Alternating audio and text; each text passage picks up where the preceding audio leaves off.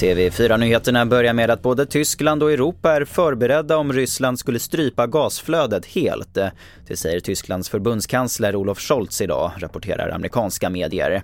Bland annat hänvisar Scholz till nya terminaler i norra Tyskland som gör det möjligt att ta emot flytande naturgas från andra länder än just Ryssland. Sverige har satt nytt rekord i elexport. Den svenska elexporten i juli blev 4 terawattimmar.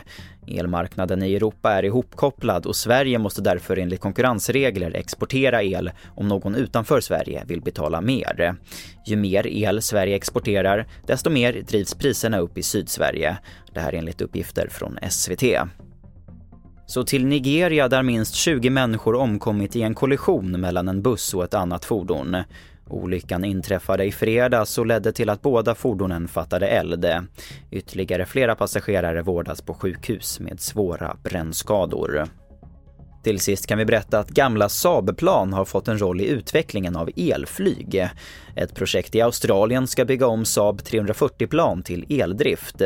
Att bygga om går snabbare och blir billigare än att satsa på helt nya elflygplan, enligt aktörerna bakom satsningen. Och det får sätta punkt för TV4-nyheterna. Jag heter Albert Hjalmers.